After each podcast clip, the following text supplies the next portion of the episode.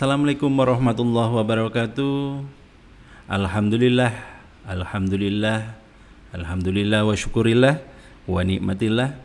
Rabbi sorli sodri wa yassirli amri wahlul mutatam bilisandi yaskohu kholi amma badu.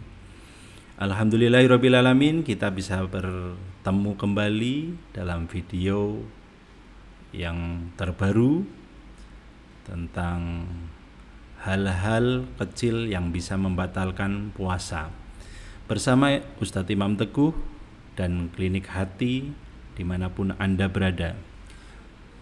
Saya akan sedikit mengingatkan hal-hal yang memang bisa membatalkan puasa, yaitu di antaranya masuknya makanan dan minuman yang disengaja.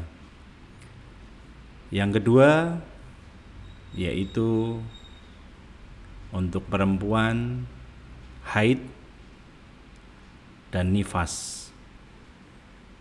Selanjutnya bersetubuh dengan pasangan baik suami maupun istri itu juga tidak boleh karena itu sangat membatalkan ya selanjutnya bisa juga muntah yang disengaja yaitu mungkin seperti tenggorokan yang disogrok sehingga muntah itu juga sangat-sangat membatalkan puasa.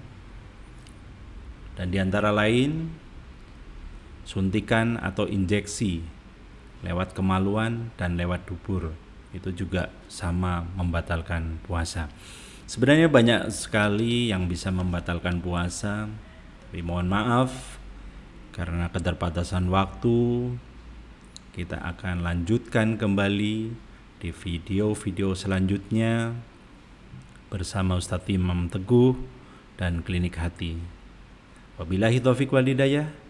Wassalamualaikum warahmatullahi wabarakatuh. Rahayu, rahayu, rahayu.